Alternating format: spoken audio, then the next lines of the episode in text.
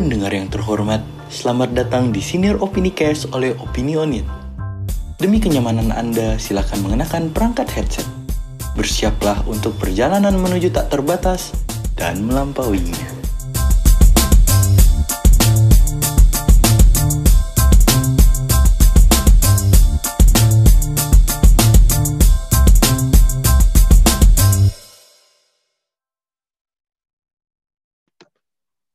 Oke, halo semua teman-teman Opini Cash. Jadi di sini kita mau ngobrol-ngobrol ya sama teman-teman dari Opinionion juga. Jadi kayaknya ini bukan sebuah podcast, tapi kayak kalian dengerin perbincangan kita pada malam ini. Ya, uh, di sini sih masih berempat ya. Gua, ada Dina juga. Halo Dina. Halo. Halo Fadi. Hai hai. Halo Bintang. Eyo. Ya, mungkin nanti nambah Apong juga kali ya. Teman kita mm -hmm. di Espanya. Nanti dia gabung-gabung aja deh. Kalau dia ada. Jadi di sini kita kita tag hari ini tanggal uh, tanggal berapa? Tanggal 8 Oktober. 8 Oktober. Ya. Jadi hari ini adalah hari yang bersejarah kalau menurut gua di tahun ini karena terjadi kerusuhan yang luar biasa ya di iya. penjuru Indonesia karena menolak undang-undang Omnibus Law Klaster Ketenaga Kerjaan atau RU tenaga, uh, Cipta Tenaga Kerja yang baru disahin kemarin hari Senin. Jadi gue mau nanya langsung ke siapa dulu ya? Ke ke Dina dulu deh. Din menurut lu gimana ya? Kayak apa demo hari ini? Demo hari ini. Oke. Okay. Uh, eh, sebenarnya kalau mau ngomongin dari segi kuantitas masa lebih dikit ketimbang demo tahun lalu pas reformasi di korupsi ya. Soalnya kalau menurut gue juga kan karena lagi COVID nih. Karena uh, dilihat juga dari kampus-kampus mungkin tuh yang turun paling cuma perwakilan BEM, per fakultas atau nggak kampusnya. Jadi nggak yang bawa masa banyak. Mungkin kayak yang tadi gue bilang itu efek dari adanya COVID-19. Nah, tapi kan tadi sempat rusuh tuh. Gue kan uh, tahun lalu itu sempat turun nih yang pas RKHP. Nah, kalau dari pengalaman gue itu, kalau yang rusuh-rusuh ini sebenarnya tuh bukan mahasiswa. Tadi pun pas gue di TV, lihat gue udah langsung ngira nih, wah ini sih pasti ada provokator. Karena mahasiswa itu cenderung kalau misalnya gas air mata udah dilempar, kita mundur. Jadi maka kalau yang tadi itu dia rusuh-rusuh, ya sampai halte HI terbakar itu kan, dan ada banyak uh, fasilitas umum juga yang rusak, menurut gue sih itu bukan mahasiswa ya, tapi memang entah provokator atau mungkin entah masyarakat yang dia cuma ngikut rusuh doang atau mungkin STM tadi katakan anak STM juga ada yang turun tuh. Jadi menurut gue kerusuhan tadi itu kayak um, awalnya uh, mahasiswa yang ingin turun untuk bersuara tapi karena rusuh dan rusuhnya itu bukan dari mahasiswa, jadi mahasiswa juga nih yang kena. Kayak tadi kan juga banyak tuh teman-teman kita yang udah ada yang hilang lah, bahkan kayak jurnalis atau tenaga medis, mereka kena uh, pukulan dari aparat. Jadi kayak menurut gue agak sedikit disayangkan aja sih uh, untuk demo yang hari ini. Kayak tujuannya itu udah salah, dan tadi gue juga lihat beberapa orang udah ada yang teriak untuk menurunkan Jokowi. Nah, di situ tuh gue rada bingung nih. Lo menuntut si Omnibus Law ini atau lo menuntut untuk menurunkan Jokowi? Jadi kayak masa yang tadi tuh banyak miskonsepsinya gitu sih menurut gue. Iya, sebenarnya sayang juga sih. Gue ngelihatnya sebagai kalau misalkan dalam perspektif orang yang sebenarnya ingin memperjuangkan undang-undang ini ya sayang juga kan orang yang kontra kan ibaratnya musuhnya pemerintah ya. Mm -mm. Ya pemerintahnya bisa blame victim dan victim atau victim blaming sih. Benar-benar benar banget. Iya, jadi uh, gimana ya? Ya, gue ngeliat sayang juga sih, jadi nggak perfect gitu aksinya. Kalau uh, apa namanya ngelihat kerusuhan tadi ya, gue juga gimana ya, sedih juga sih. Kalau menurut Fadi, lu gimana di saran lu? Kayak kerusuhan yang terjadi di malam ini? Kerusuhan tadi ya, ya menurut gue sih itu gimana ya? In one point of view, emang ini tuh benar-benar ya layak lah, uh, karena emang ini adalah sebuah hal yang mungkin masih kurang jelas gitu loh. Kita belum ngerti draft akhirnya gimana, harus perlu diperjuangin lah untuk kedamaian. Jadi kayak gue ngelihat sisi kenapa gimana kerusuhan ini tuh emang uh, harus ditegakkan lah untuk demi keadilan. Tapi di sisi lain juga gue ngelihat angka COVID yang terus naik kan. Gue takut banget hmm. kalau misalnya tiba-tiba karena jangka panjangnya jika habis kerusuhan ini tiba-tiba angka COVID naik semua, terus tiba-tiba ekonomi kita jadi susah lagi, ntar bakal kembali salah ke pemerintah lagi gitu loh. Setelah rusaknya banyak uh, fasilitas umum, terus ntar angka COVID naik, otomatis pemerintah harus turun tangan dan banyak lagi surplus yang harus dikeluarin lagi subsidinya, di mana akan membuat lebih banyak masalah lagi secara ekonomi, secara sosial juga. Jadi gue agak takut juga nih karena ini tuh hitungannya gimana double problem lah. Uh, dengan enggak jelasnya RU ini, tapi nambah dengan masih ada COVID, RUU PKS juga belum jelas, masih banyak lagi masalah. Dan kalau misalnya tumpuk terus kan ntar yang ada chaos gak sih? Kalau misalnya kita lihat-lihat.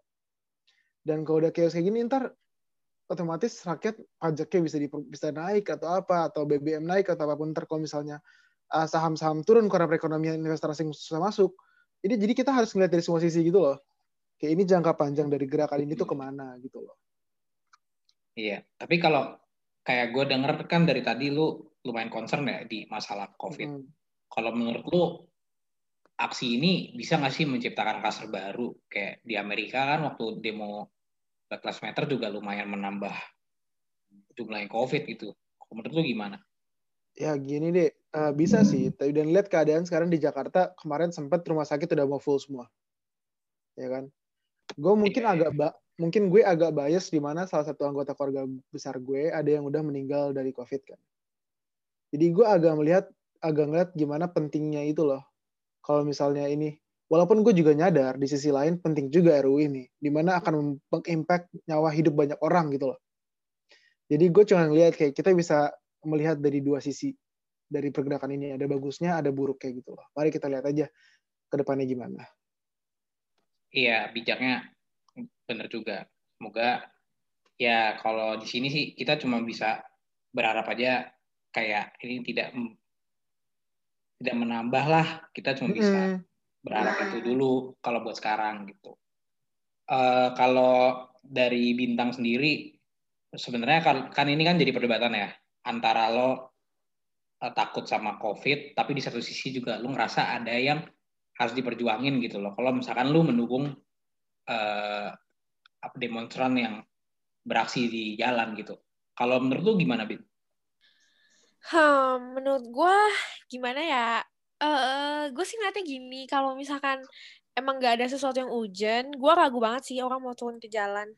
Gitu sih menurut gue ya. Kayak, um, menurut gue, kalau ngomongin COVID malah kayak, um, kita ngalihin dari isu yang sebenarnya gitu.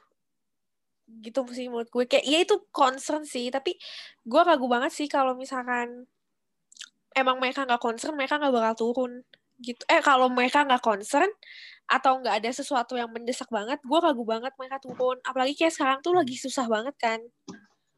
Gitu loh. Iya iya. Apalagi yang turun tuh kaum buruh gitu loh. Kalau misalkan mahasiswa ya mungkin kayak masih terima kayak kiriman dari waktu atau apa. Tapi kalau buruh tuh untuk take time off work itu bener-bener yang kayak itu bener-bener apa ya? Maksudnya kayak ya itu buatnya emang penting gitu loh. Apalagi Kamis kan di mana ini masih hari kerja.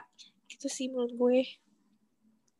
Iya gue apa ngerti banget sih concern lo kayak dalam mereka juga mereka juga berjuang gitu loh dan mereka mengorbankan hmm. sesuatu di sini. Tapi kalau stand lu sendiri bin lu kalau menurut lu uh, undang-undang ini gimana? Udah undang-undang ya bukan RU lagi. Hmm, ya gue apa ya lebih banyak menyayangkan aja sih kayak pertama ternyata draft yang selama ini kita baca bahkan yang diupload di Kompas itu 900 halaman kan diupload di Kompas kan? Gue juga maksudnya ambil dari media koran gitu.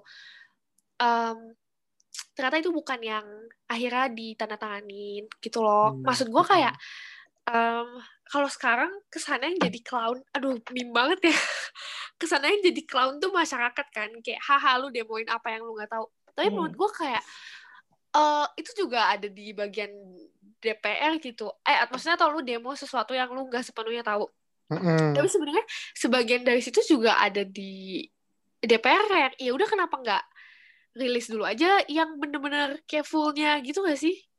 Dan hmm. kayak akhirnya yeah. jadi giant miscommunication gitu loh. Kalau gue tentang UU ini ya, ya gue stand by what I said waktu maksudnya selama ini gitu yang kayak yang gue khawatirkan emang well-being dan keberlangsungan hidupnya para kaum pekerja gitu pekerja termasuk buruh gitu sih menurut mm, gue yeah. Gitu yeah. tetap konsep utama gue gitu Benar. ya mungkin nanti kita bisa masuk lebih lanjut ke yeah. lebih dalam tentang itu gitu cuma kayak ya saat ini gue tetap stand by it gitu loh kalau misalkan emang ternyata UU itu zolim gitu quote and quote ya ya udah itu tetap berarti perlu ditinjau ulang gitu sih menurut gue hmm. ya benar kayak gue percaya pasti uh, teman-teman di sini juga perjuangkan sesuatu gitu loh mm-hmm. atas apa yang terjadi. Oh ya, kita selain tadi kan kita berempat, kita juga datang teman kita Dini. Halo Dini, apa kabar? Uh, halo Dini. Kayak kayak belum begitu masuk ya. Jadi mungkin mm-hmm. gue uh, mau namain dari gue dulu sih kayak uh, apa ya? Kalau masalah apa namanya kayak tadi miskonsepsi atas draft itu mungkin um, kalau gue lihat ya teman-teman itu mungkin ada yang nge-share tentang yang masalah haid atau haid, apa lu nggak boleh cuti haid atau semacamnya. Kalau menurut gue teman-teman yang nge-share itu mungkin berangkat dari ketidaktahuan atas draft yang baru yang sekarang sekarang ini beredar gitu loh. Kan logikanya sebelumnya orang tuh cuma punya draft di undang-undang yang tahun 2003 gitu. Sedangkan oh, tenaga kerjaan. Iya, undang-undang ketenaga kerjaan. Dan juga orang punya draft yang baru keluar di uh, bulan Desember yang masih ada uh, permasalahan cuti head atau yang permasalahan apa ya waktu itu ya? Pesagon dan sebagainya. Pokoknya yang itu yang tersebar gitu loh. Jadi kan emang acuan orang-orang itu yang di draft bulan Desember tahun 2019 dan uh, waktu orang salah nge-share orang malah dibilang hoax. Padahal logikanya justru draft yang sekarang tersebar pun kalau misalkan itu draft yang benar itu baru baru kesebar kayak nggak tahu gue hari Minggu atau hari Senin gitu kan orang nggak ada yang baca. Dan dan juga kayak kita tahu sendiri pembahasannya juga singkat itu gitu cuy. Itu jadi gue mungkin menyalahi itu. Kalau menurut tuh gimana sih Din? Kayak uh, ini gue nanya ke Dina ya kayak mm.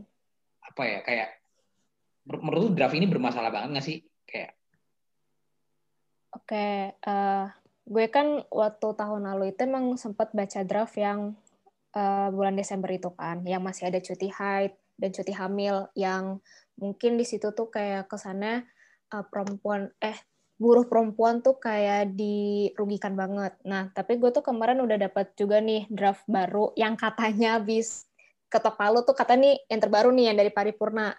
Tapi ternyata tadi uh, di berita dibilang ternyata belum ada draft yang asli. Cuman kalau misalnya yang gue udah baca dari uh, draft yang dari paripurna ini, gue sih concern dari li, sisi legal draftingnya, pembuatan undang-undang. Menurut gue ini tuh berantakan banget gitu loh. Karena banyak banget uh, pasal yang ngegantung dan pasal turunan. Jadi kayak misalnya nih uh, pasal 4 mengatur apa, misal mengatur uh, isu A, nah nanti yang di pasal selanjut pasal 10 dia itu masih membahas si pasal 4-nya itu. Jadi itu kayak lengkap-lengkap dan pasal turunannya itu jadi nggak jelas gitu loh. Dan, dan menurut gue, kalau misalnya buat undang-undang ya dalam satu pasal itu ya lo membahas satu uh, masalah itu gitu loh. Kalau misalnya memang masalahnya itu emang uh, banyak banget yang harus diatur, ya lo buat pasal baru lagi tapi harus kayak berurutan pasal 4, pasal 5, pasal 6. Nah, ini tuh dia banyak yang lengkap-lengkap dan banyak juga pasal ngegantung. Contohnya itu yang soal uh, pesangon. Yang pesangon hmm. itu menurut gue tuh ngegant kenapa nge kenapa gue bilang ngegantung uh, karena yang pesangon itu tuh emang kayak dia itu bilang masih mengacu dengan UU Ketenagakerjaan. Tapi di situ dia juga bilang kalau misalnya orang yang di PHK itu dapat pesangon dua, maksimal 25 kali, sedangkan yang di UU Ketenagakerjaan dapat pesangon maksimal 32 kali. jadi ini kayak rada rada bingung kan rada ngegantung nih nih uh, rada ngawang hmm. sebenarnya kayak ini lo yang bener mana gitu nih gue harus nanti mungkin perusahaan gue harus ngikut yang UU tenaga kerjaan atau harus ngikut yang di omnibus law ini kan masih kurang jelas tuh terus kalau hmm. misalnya yang gue lihat juga uh, btw ini gue yang di yang gue pas baca draft ini gue cuma baca yang cipta kerja aja ya. Gue nggak gue nggak membaca dari aspek lain.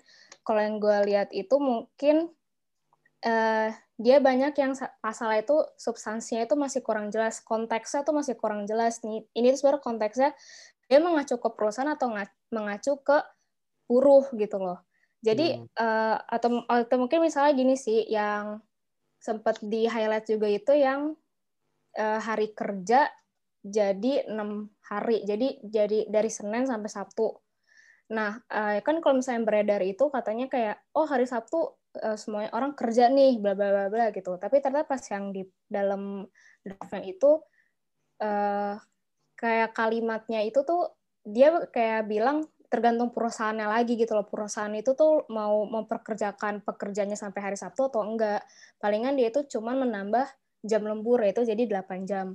Menurut gue itu menghasilkan multitafsir.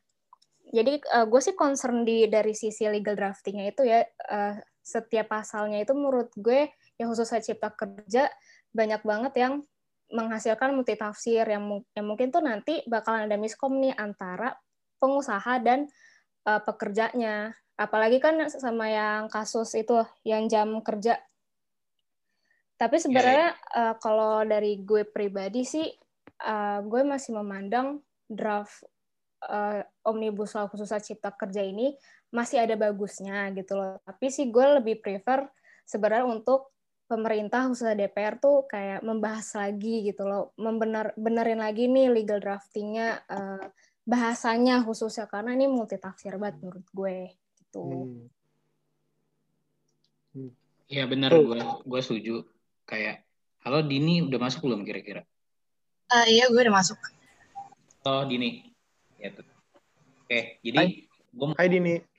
Tahu kayak, um, kan kita tadi udah ngebahas cara hukum ya kayak sebermasalah itu gitu loh. Dan gue tadi gue baru dengar juga statement dari Pak Mahfud MD selaku Menko Polhukam. Dia kan bilang ya udah kalau kalau kalau yang gue tangkap ya dia kan statement bareng ke apa TNI dan sebagainya.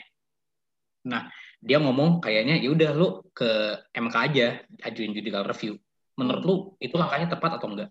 Atau jangan-jangan itu menjebak? Judicial review ya. Sebenarnya memang undang-undang yang bermasalah tuh memang sebenarnya kalau mau dibahas lagi memang lebih baik tuh ke judicial review itu tapi uh, kalau misalnya kita mau lihat polemik sekarang kemarin kan baru aja tuh UUMK di, disahkan. Dan kalau misalnya kita mau baca lagi UUMK itu membuat para hakim itu menjadi kayak independen. Walaupun sih tadi gue baca beritanya hakim hakim-hakim di MK itu mereka bilang kita akan tetap independen, tapi gue sebenarnya sih gue nggak begitu berharap ya untuk si judicial review ini karena ada UUMK tersebut. Tapi memang uh, judi judicial review ini tuh memang dia cara konstitusionalnya lah cara dalam uh, di dalam negara Indonesia tuh kayak gitu. Hmm, iya bener juga sih. Uh, Dini, gue mau nanya ke lu deh, kayak menurut uh, judicial review ini bakal tembus nggak sih? Ini ke Dini ya? Um, mungkin sebelum kita ngomongin si judicial review ini, gue pengen ngasih sedikit insight nih soal um, proses perumusan kebijakan publik. Soalnya kan tadi kita um, dari insight yang gue dengar dari Dina atau Bintang itu insight-insight yang ngebahas soal um, aspek legalnya, aspek-aspek hukumnya gitu. Nah, tapi sekarang gue pengen share dikit nih sebenarnya yang bermasalah dari perumusan kebijakan ini tanpa masuk ke dalam isinya. Nah, jadi tuh sebenarnya kita dalam perumusan kebijakan publik itu kan ada official policy makers yaitu para dewan, dewan yang terhormat, terus ada juga unofficial policy makers atau partisipan itu itu kita kita orang nih kita um, kelompok penekan dan lain-lain atau kelompok kepentingan. Nah tapi um, dalam pandemi ini policy subsystem atau subsistem kebijakan tempat di mana um, kedua belah pihak itu bisa berunding, bisa persuase, bisa melakukan persuasi, bisa melakukan bargaining, itu nggak ada, nggak hadir. Gitu Makanya sampai tanggal 24 April kemarin, um, saat demo ada demo buruh, Jokowi sempat um, sempat mengeluarkan statement kalau pembahasan seluruh pembahasan yang berhubungan dengan uh, omnibus law bakalan ditunda gitu selama pandemi. Nah, tapi ternyata dilanjut nih dan selama um, dilanjutin ya benar nggak ada nih si subsistem polis uh, subsistem kebijakan yang bisa uh, yang bisa menjadi jembatan gitu loh antara pihak DPR dengan masyarakat gitu terutama uh, kelas pekerja ya, karena mereka kan yang hajatnya bakalan dipertaruhkan ya dalam RUU ini, dalam undang-undang ini maksudnya undang-undang. Iya. Uh, Kemarin, uh, sorry gue potong, Din sebenarnya lu bisa uh, setuju nggak sih kalau misalkan gue bilang orang Indonesia tuh nggak tahu kalau misalkan mereka tuh juga terklasifikasi sebagai buruh gitu loh, karena kan uh, kalau misalkan orang Indonesia biasanya mengartikan buruh itu sebagai pekerja kasar doang gitu. Sedangkan menurut gua lu budak korporat yang kerja di SCBD lu juga buruh nggak sih sebenarnya? Juga terdampak undang-undang ini kan berarti? Um, iya, jujur ya, kalaupun ada orang nih di LinkedIn-nya bilang dia data analysis, dalam undang-undang itu lo tetap dikatain buruh gitu loh. Nggak ada bedanya, cuman kita nggak bisa naif dan bilang kalau um, korporat-korporat multinasional itu nggak punya working ethics yang progresif gitu. Kita nggak bisa nggak bisa bilang kalau mereka akan diopresi dengan um, intensitas yang sama gitu akan berbeda karena working ethics antara pekerja um, pekerja kerah biru dan pekerja kerah putih itu akan berbeda gitu loh. Jadi nggak bisa naif sih sebenarnya untuk menyamakan itu. Iya, benar. Soalnya tapi bagaimanapun juga di mata undang-undang sama gitu intinya. Ya. Iya, di mata undang-undang iya. sama. Itu harus dikasih dipahami ya teman-teman ya. Mau lu buruh di tempat ber AC atau buruh ber nggak ber AC atau cuma berkipas angin atau nggak sama sekali ya, lu tetap bekerja buat orang lain ya nggak sih? Sekarang gue mau nanya ke Fadi ya. Fadi kan eh, apa namanya? Gue gua kenal lu sebagai orang yang berusaha gitu ya di gue mau nanya nih di kayak menurut lu lu sendiri stand lu gimana sih terhadap undang-undang ini? Lu boleh ngomongin dari sisi apa aja yang lu nyaman gitu. Gue nggak bisa bilang stance gue gimana karena gue belum, of course kita belum melihat final draftnya kan, kita belum melihat final akhirnya. Betul. Tapi dari yang gue baca-baca sejauh ini tuh, ini gue cuma ngomong dari yang gue baca ya, uh, not to get any hate or anything. Nggak semua isi dari omnibus law ini buruk ada ada beberapa sisi yang bisa kita bilang ada bagusnya gitu loh.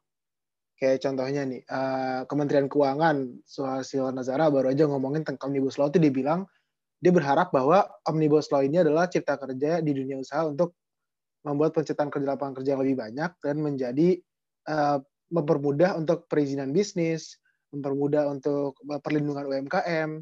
Maksudnya ada sisi yang bisa dipertahanin, walaupun ada juga banyak sisi yang masih dipertanyakan dan harus dibuat lebih adil untuk para buru-buru, untuk para pekerja yang kata lu tadi kan. Jadi tuh di sisi gue tuh gue di sini gue ngeliat final draftnya di mana gue ngeliat kayak semua orang udah angkat anti banget. Uh, semua orang udah anti banget, tapi gue ngeliat harus kita baca juga ada positifnya untuk perekonomian Indonesia. Yang kita juga tahu semua dengan cara COVID kayak gini kan semua perekonomian turun. Tapi betul, dengan betul. adanya dengan adanya ini juga kita uh, ini tuh perlu diperjelas gitu loh. Tujuannya tuh ke mana? Tujuannya tuh mau untuk majuin ekonomi Indonesia kan. Misalnya tujuannya gitu. Jadi harus dijelasin dulu tujuannya untuk majuin ekonomi Indonesia. Jangan sampai malah dampaknya lebih gede ke memper apa memperburuk kesejahteraan rakyat daripada maju di ekonomi Indonesia, maju ekonominya dikit tapi menghasilkan kesejahteraannya tinggi gitu loh. Jangan harus kita harus bikin imbang uh, di mana final draft nanti yang kita harapin kita doain itu bisa memperbaiki uh, masalah perjanjian sama buruhnya, tapi di mana bisa juga ngebantu perekonomian kita yang yang nyadar nggak nyadar susah banget loh. Gini deh, uh, gue mau nunjukin dampak ekonomi yang sekarang aja nih ya, sebelum ada omnibus law ini. Dari uh, kehancuran adanya uh, beberapa fasilitas umum misalnya, yang gue lihat ya. Pak Anies Baswedan baru aja ngomong di Tempo dua jam yang lalu bahwa 11 halte bus ini diperkirakan akan akan memerlukan biaya sebesar 25 miliar rupiah. Kalau misalnya kita ngelihat dari mindset itu di mana otomatis akan butuh uang untuk memperbutuh apa butuh uang untuk bernia lagi gitu kan. Ini tuh hal yang bagus menurut gua. Karena dengan cara kayak gini pada dasarnya pasti pemerintah take notice, ya enggak? Kalau enggak Pak, kalau enggak ada gede kayak gini pemerintah nggak nyadar bahwa rakyatnya butuh, ya kan? Oke, okay, iya. yeah. gue sadar gitu. Tapi kalau misalnya berkelanjutan terus-terusan tiap hari ada yang hancur, mau ke mana? Yang ada ekonomi kita bakal turun terus dong.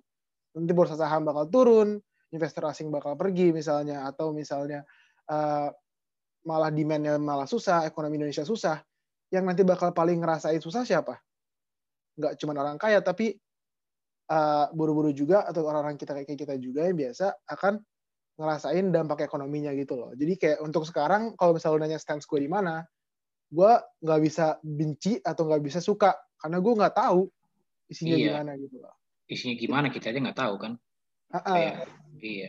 Gua sekarang dari gue mau nambahin sedikit ya. Gue mau apa ya? Gue mau ngomong dari segi politis gitu loh. Karena hmm. uh, kalau misalkan lu ngomongin dari segi hukum pun susah juga. Kita mau berdasarkan apa? Kalau gue ngomong berdasarkan naskah yang kemarin kesebar kan nggak nggak logis juga, ya kan?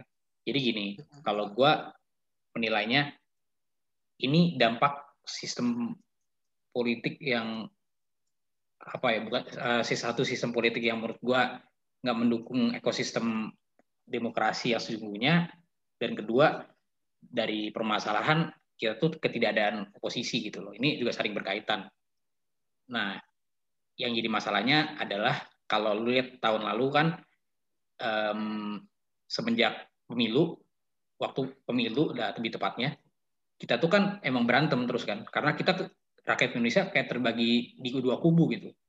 Tempur terus antara kubu cebong dan kampret. Sampailah pemilu e, kalau dari si hasil pemilu kan e, Pak Jokowi menang dan kelantik lagi. Yang gua tangkap waktu itu bulan Juli kan sempat ada pertemuan antara Pak Jokowi sama e, Pak Prabowo gitu. Nah, itu yang kayak menandakan ya udah damai gitu. Nah, cuman yang gua gue juga kaget akhirnya kan Pak Prabowo kepilih jadi men menhan gitu nah sebelum yang dia kepilih jadi menhan itu kan waktu itu udah tersebar kalau Gerindra akan masuk kabinet nah itu yang gue melihat ini nggak ada yang mimpin oposisinya lagi itu kalau misalkan lu lihat dari sisi politik praktis Indonesia itu kan ada 575 anggota DPR RI Sedangkan oposisinya itu totalnya yang maksudnya yang oposisi terhadap RUPKS ini yang terdiri dari Partai Demokrat dan PKS itu cuma 104 kalau ditotal-totalin. Lalu lawan sisanya 400-an lebih lu nyampe 20 persennya juga kagak gitu. Jadi gue menyalahi menyalahkan rentetan permasalahan uh, dinamika politik yang sebelumnya udah berjalan gitu loh. Gue menyayangkan seharusnya tahun lalu ya Gerindra jadi oposisi gitu. Dan kalau misalkan emang Gerindra jadi pemerintah, harusnya ada partai pendukung Pak Jokowi yang menolak gitu. Dan dengan menolaknya ya berpindah jadi oposisi. Cuman kan gini teman-teman, harus dilihat juga rentetan dari tahun 2004 dan 2009 dan 2014. Partai yang kalah di pemilu atau enggak bukan pengusung eh, presiden yang menang itu cenderung berpindah dari oposisi ke, pemer, uh, ke pemerintah gitu loh. Gua gua melihatnya kayak ini terjadi lagi kayak misalkan tahun 2000 berapa 2009 itu kan uh, yang ngusung Demokrat kan menang. Nah, habis itu juga kayak Golkar pindah. Sama halnya 2014 yang terdekatnya waktu itu kan uh, apa Pak Jokowi didukung PDIP dan partai-partai uh, nasionalis versus PKB nggak salah. Terus kan P3 pindah, ya kan? PAN pindah biar dapat jatah menteri. Jadi gua melihatnya ini juga sistem politik yang kita tuh tidak mendukung bagi oposisi gitu. Mungkin emang nggak fruit apa ya, nggak seksi aja gitu jadi oposisi. Padahal kita apa ya, gua nggak bilang kayak or, orang yang partai yang mendukung eh, apa yang oposisi kayak Demokrat atau PKS itu bagus. Nggak juga gitu loh. Karena mereka juga menurut gua kalau mereka konsisten jadi oposisi di, selama beberapa tahun ini, mereka bakal bisa suaranya bisa mendulang suara gitu loh. Kayak sama halnya dengan PDIP yang konsisten 10 tahun jadi oposisi zamannya Pak SBY, dia merasakan hasilnya di tahun 2014 sampai sekarang gitu. Jadi gue melihat ya gue sah-sah aja sih PKS dan Demokrat menolak, toh mereka juga mencari suara gitu loh. Nah ini uh, gue mau nanya nih ke Dina ya, mungkin lu juga bisa eh sorry ke Dini, lu bisa nambahin sedikit uh, apa namanya dari faktor politis ya, karena gue tahu kan kita sama-sama anak ilmu politik nih. ya mungkin lu bisa nambahin Din, Dina, eh Dini. Iya sebenarnya kalau dari um, segi dinamika politiknya gue sepakat sih sama um, sama lo kalau misalnya kita tuh mesti ngelihat berkaca gitu dari um, gimana bagaimana Prabowo yang sebenarnya itu seorang oposisi jadi berpindah ke um, jadi bagi jadi menhan gitu kan? Iya. masuk kita kan milih dia bukan buat jadi menhan dulu. Yang yang milih Prabowo. Eh sorry kok kita kan kelihatan juga gue milih siapa. Jadi lanjut lanjut. Jangan bobo kita. Nah, nah hal itu tuh bikin um, sebenarnya itu memberikan suatu kekuatan yang besar banget bagi eksekutif. Kalau misalnya kita lihat da, pas zamannya SBY, um, itu tuh tiap ada kebijakan baru dari yang keluar dari eksekutif, itu di, dinamikanya gede-gedean ke parlementer. Selalu ada yang didebatin, selalu ada oposisinya. Kalau kita lihat um, kebijakan omnibus law ini, yang mana sama-sama keluar dari eksekutif, itu hampir nggak ada dinamika politiknya. Itu benar-benar lancar. Ini RUU benar-benar benar kayak licin banget lah jalannya gitu sampai yeah. bisa um, dari sidang panja ke paripurna sehari doang. Ini udah nunjuk sebenarnya bahkan um, dosen gue udah bilang kalau ini tuh udah sampai di level kita executive heavy ada berat di pihak eksekutif gitu loh di mana um, check and balance yang seharusnya ada antara parlementer dengan eksekutif tuh nggak udah nggak ada lagi makanya nih RUU hmm. bisa enak banget jalannya gitu loh kalau itu kalau as dari aspek dinamika politiknya sih ya gue cuma nambahin dikit iya gue pernah mendengar sebuah istilah eh sebuah ucapan dari adalah orang orang di Twitter @ubgb1 dia bilang lebih baik elit itu kelahi daripada sekongkol. Nah, kalau sekongkol kan kayak gini. Nah, iya kan. Uh, eh, gue pengen ke bintang ya. Bintang mungkin boleh nambahin kayak apa sudut pandang masalah politis atau atau masalah yang lain lu boleh nambahin lah Um, ya gue in general setuju sih kayak hmm, gue nggak tabun apa ya tabun gak nyangka juga sih kayak maksudnya akhirnya kita berakhir ya, maksudnya gue nggak gue nggak tahu ya posisi gimana cuma kan um, emang kelihatan banget kalau misalkan ini ya di mulus gitu ya mulus gitu. Dan I don't know gue jadi merasa ada kayak ya udahlah gitu. Gue bener-bener gak tahu harus merasa apa tentang per fakta bahwa konstelasi politik kita seperti yang kalian berdua sudah jabarkan. Yang gue harap ya draftnya cepat keluar lah ya ampun. Iya, amin amin amin. amin, amin. kita bisa menilai amin. secara logis ya nggak sih iya, iya. benar terus terus aduh gue tuh bingung banget ya. Sebenarnya tuh uh, gue jadi merasa kayak apa mereka nggak antisipasi apa maksudnya apakah DPR tuh nggak antisipasi ya an hmm. animo masyarakat segede gini? Makanya mereka nggak ngerilis yang udah finalnya gitu loh. Sekarang kan jadi kayak miskom gitu gak sih menurut lo? Enggak, gue mau nanya deh, buat yang ya, buat, buat di sini yang ngerti hukum ya, maksudnya yang lebih ngerti hukum, uh, apakah sebuah RUU itu normal untuk dis, uh, untuk disahkan sebelum ada final draft? Apakah enggak. ini hal yang jarang? Enggak, enggak yeah. sih, karena gini loh, final draft itu kan uh, sama aja deh kayak misalnya anak organisasi gitu, contoh BEM, dia sedang membahas ADART gitu loh. Pasti pas diketok ketok palu saat ada apa ya pengesahan hmm. ADART itu kan udah sebelumnya itu udah ada pembahasan nih yang kalau misalnya anak-anak BEM hmm. gitu kan kayak kita berapa kayak semalaman di kampus ngebahas nih ada RT-nya bla bla bla bla terus nanti bakal hmm. ada hari pengesahannya jadi tuh jadi, uh, jadi pasti tuh kalau misalnya undang-undang udah disahkan harusnya final draft-nya itu udah jadi gitu loh hmm. harusnya jadi, yeah. jadi BEM lu aja tuh lebih konkret daripada DPR iya, sekarang ya. Coba BEM kampus-kampus, gue yakin organisasi-organisasi di kampus tuh jauh lebih bagus sih isi substansi ADRT lo ketimbang ini. Jujur aja. Iya, ini ini padat doang 900 halaman. Iya, 900 halaman. Itu kan sengaja biar, daripada gak baca, cuman, sengaja. Pada oh, pusing dulu. Cuma bahan cuman bahan gaslighting doang. 900 halaman di dibahas hanya seminggu Wah itu benar hmm. lu nggak definisi nggak tidur sih itu sebenarnya. Jangan nggak jangan-jangan ada jangan-jangan ada anggota DPR yang nggak baca 900 halaman total. Ya mungkin iya. cuman kayak ya pasal 5 setuju tok, nah, pasal 5 setuju tok. Gitu. Nggak kayak nggak oh oh partai gue kan dukung ya udah gue setuju juga gitu. jangan-jangan ada bantuan ini Jin yang bangun. Eh, eh bentar dulu ini yang ngomong perkenalkan diri dulu. Kita oh ya. Oke. Okay.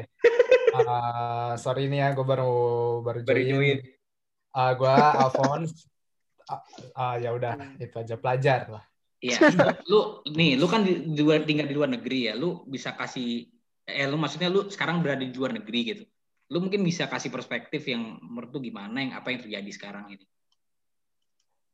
Apa ya, gue pertama banget ya, gue sebenarnya udah ngomongin ini sama uh, ada satu teman gue yang dia juga uh, pengamat, bukan pengamat ya, ya pertama dia punya interest di bidang ekonomi, finance gitu ya. Yang mana omnibus ini kan uh, agak memberikan dampak juga gitu kan ke soal ya uh, gimana perusahaan itu bisa berjalan, terus soal investasi dan segala macam gitu kan. Nah awalnya uh, eh, gue sama temen gue ini berpendapat wah kalau misalnya omnibus ini ya bisa sampai disahkan gitu, buset ini kita yang investor enak banget gitu jalan mulus lancar lah udah ya yang namanya orang kaya makin kaya tuh mak beneran makin kaya hmm. gitu. Cuman um, apa ya pas itu ya gue juga nggak nggak membaca kan. Dan mungkin juga belum dirilis gitu kan baru desas-desus saja gitu. Tapi ternyata setelah diamati ya uh, benar gitu. Memang benar uh, ini tuh kayak mendukung investor gitu ya. Tapi di sisi lain justru membunuh uh, secara nggak langsung itu uh, merugikan ya membunuh tanda kutip uh, para pekerja gitu kan. Yang mana ya investor-investor juga nggak bakal bisa dapat profit gitu kalau si perusahaannya nggak jalan. Perusahaannya nggak jalan karena si pekerjanya juga ya uh, nggak bekerja gitu kan. Nah udah gitu ada fenomena yang di mute apa mic di mute gitu? Tahu nggak lu Oh tahu. Iya itu tahu, itu gue lihat.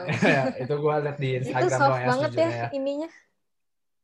Anggun banget ya anggun banget tangannya tuh kayak mm, enak banget. Hmm. Aduh, itu sebenarnya ya gimana ya lack of apa sih namanya falta de respeto um, apa namanya tidak menghargai lah gitu kurang menghargai kurang menghargai. Eh itu tuh kayak ini lu tau gak sih kalau rapat-rapat yang udah kayak duh udah kelewatan waktunya misalnya lo dikasih lima menit terus lo lima menit ya, langsung di unmute ya terima kasih kak bla bla bla dari divisi bla bla bla. Kayak kayak kayak lomba debat daerah anjir dibatasin waktunya. Iya ya silakan kita mau pindah gitu gak sih kalau rapat-rapat zoom? Tapi mungkin sebenarnya ada nggak sih alasan dibalik kenapa si mic itu dimatikan mungkin bi bisa tahu siapa tahu aja ya karena ada uh, klarifikasi nggak sih? Yang mic dimatikan ini udah kelamaan ngobrol ngomong Tanya. gitu. Jadi yang lo, eh. lo bayangin ternyata tuh dibalik mereka tuh kayak ada timekeeper gitu yang megangin satu menit 30 detik. iya, 30 detik lagi, 20 detik dibalik, dibalik kamera kan. Kalau... Iya, dibalik kamera kayak, mbak, mbak, 30 detik lagi. Kalau klarifikasinya dari Sekjen DPR kok nggak salah. Katanya tiap orang itu habis lima menit mic-nya mati. Cuman pengak, eh, pengakuan orang yang di mute yang si uh, Bang Irwan apa yang dari bukan Pak Beni ya Pak Irwan nggak salah yang dari Demokrat juga. Dia bilang katanya mic-nya dia tuh baru ngomong kurang dari dua menit Pak. Terus, oh, foto. Hmm, ya biasalah, pasti nyari alasan, ya nggak sih?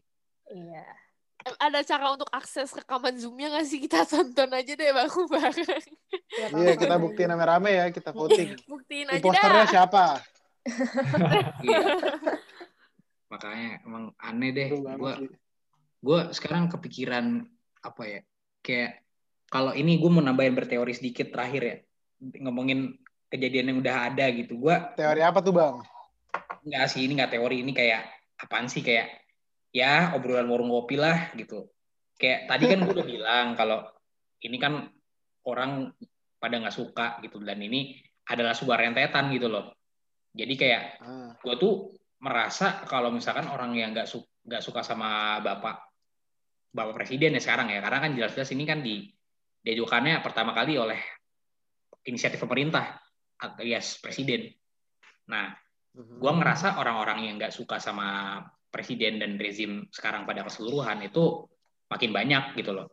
Jadi dan kelompok bukan orangnya makin banyak juga, tapi kelompok-kelompoknya dan ngerinya makin-makin terorganisir gitu. Kayak tahun lalu mahasiswa kan udah muncul lebih banyak daripada sekarang.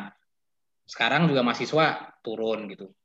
Terus ya kita nggak bisa menafikan ya kelompok-kelompok uh, Islam yang lumayan konservatif juga udah menolak dari uh, dari lama kan gitu. Terus sekarang dari kelompok-kelompok buruh yang sebelumnya kayak apa lumayan dekat juga sebenarnya sama Pak Presiden. Jadi gue merasanya makin banyak kelompok-kelompok yang nggak suka gitu loh atas nama kelompok ini gue nggak suka sama pemerintah gitu hmm. ngerinya adalah kalau misalkan kalau misalkan nanti kita uh, krisis ekonomi gitu loh ini kan kita udah pasti resesi kan cuman gue ngerinya gini pak coba lu pikir kalau misalkan kita harga-harga udah mulai naik dolar udah mulai naik hmm.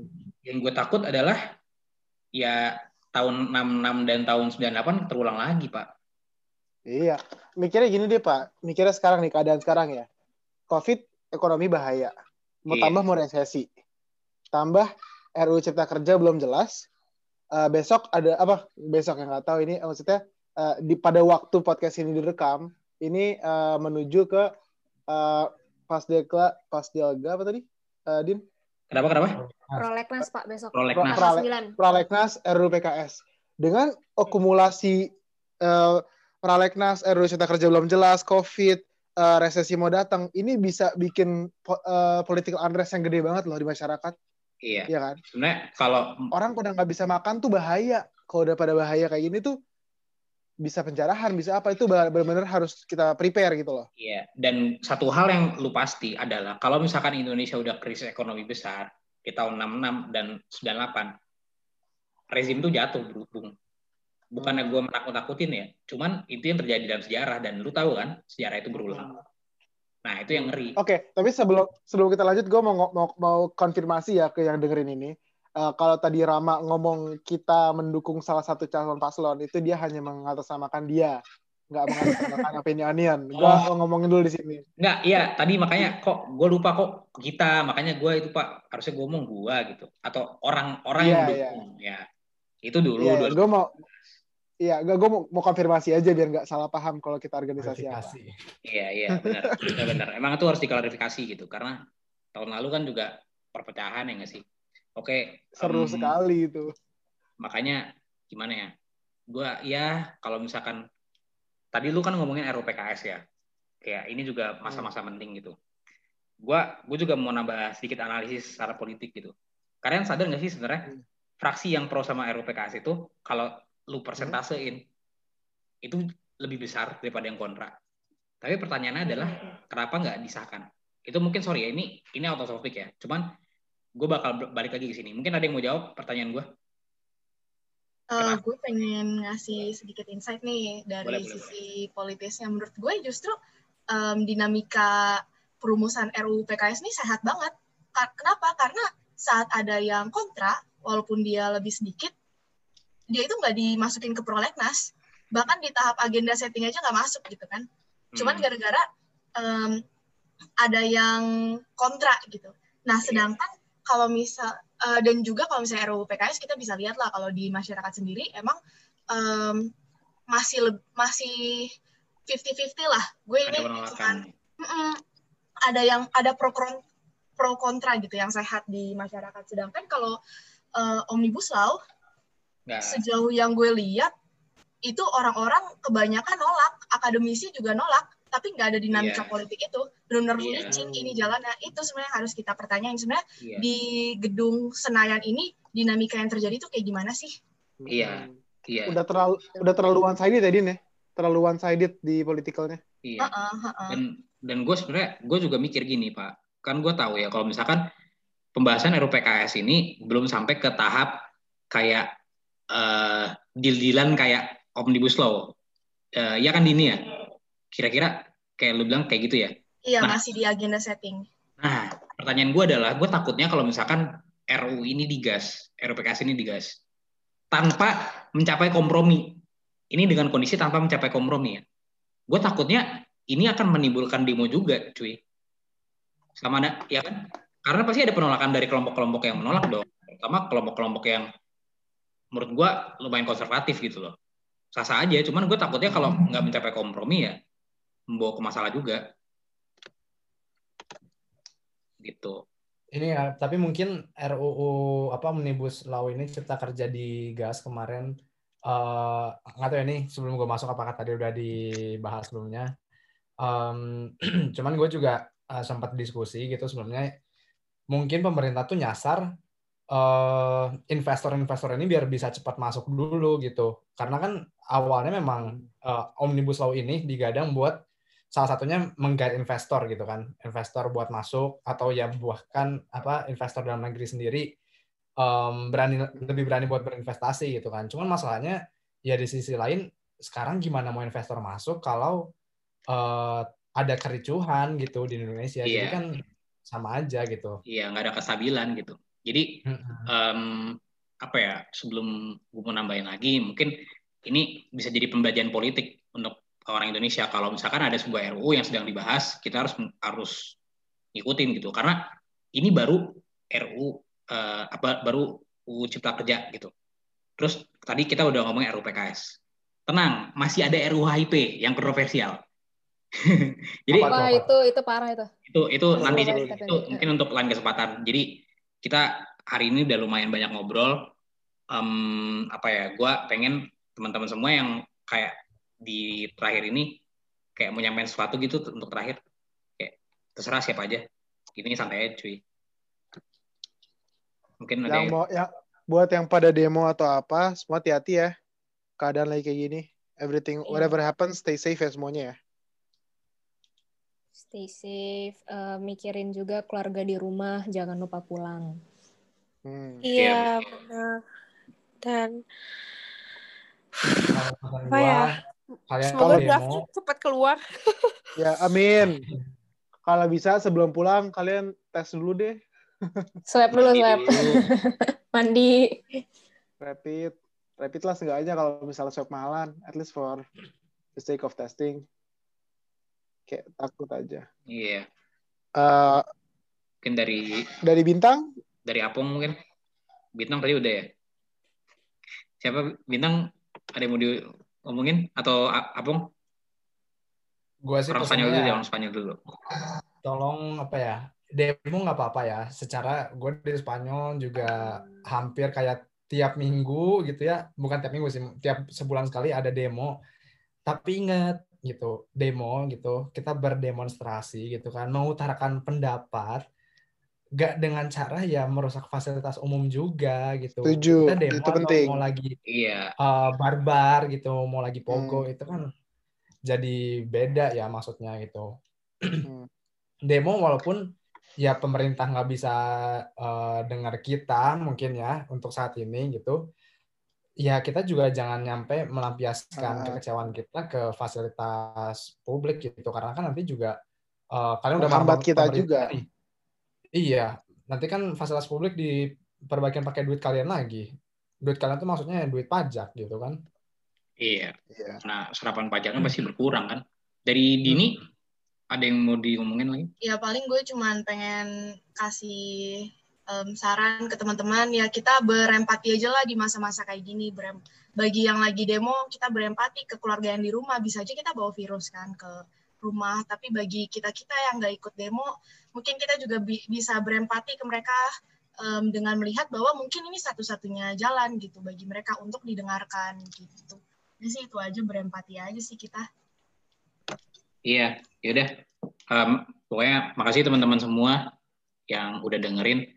Gua closing statementnya pokoknya untuk selamanya sih, kayak untuk ke depannya juga stay safe, stay healthy, dan keselamatan dan keselamatan kalian itu eh sorry keselamatan dan kesehatan kalian itu yang paling penting deh pokoknya. Apalagi yang demo gitu. Lo demo kesehatan kan juga lagi pandemi terus keselamatan juga ya lu lihat sendiri kan banyak yang diculik kayak ada videonya yang diculik-culik gitu. Pokoknya hati-hati deh mau demo buat demo sekarang atau demo ke depan misalkan ada demo lagi ya ya jangan sampai sih. Cuman kalau emang harus demo ke depannya juga hati-hati aja Yaudah buat teman-teman Opini Cash, terima kasih udah dengerin kita di sini. Ini kayaknya pertama kali narsumnya banyak banget cuy. Mantap. Narsum lagi. Keroyokan. Keroyokan tapi nggak apa-apa asik kan. Bisa dengerin banyak insight-insight insight yang kita siapa. Yaudah teman-teman Opini Cash, terima kasih udah dengerin. Intinya dengerin lagi uh, episode-episode kita ke depan. Dadah. Okay, Bye-bye.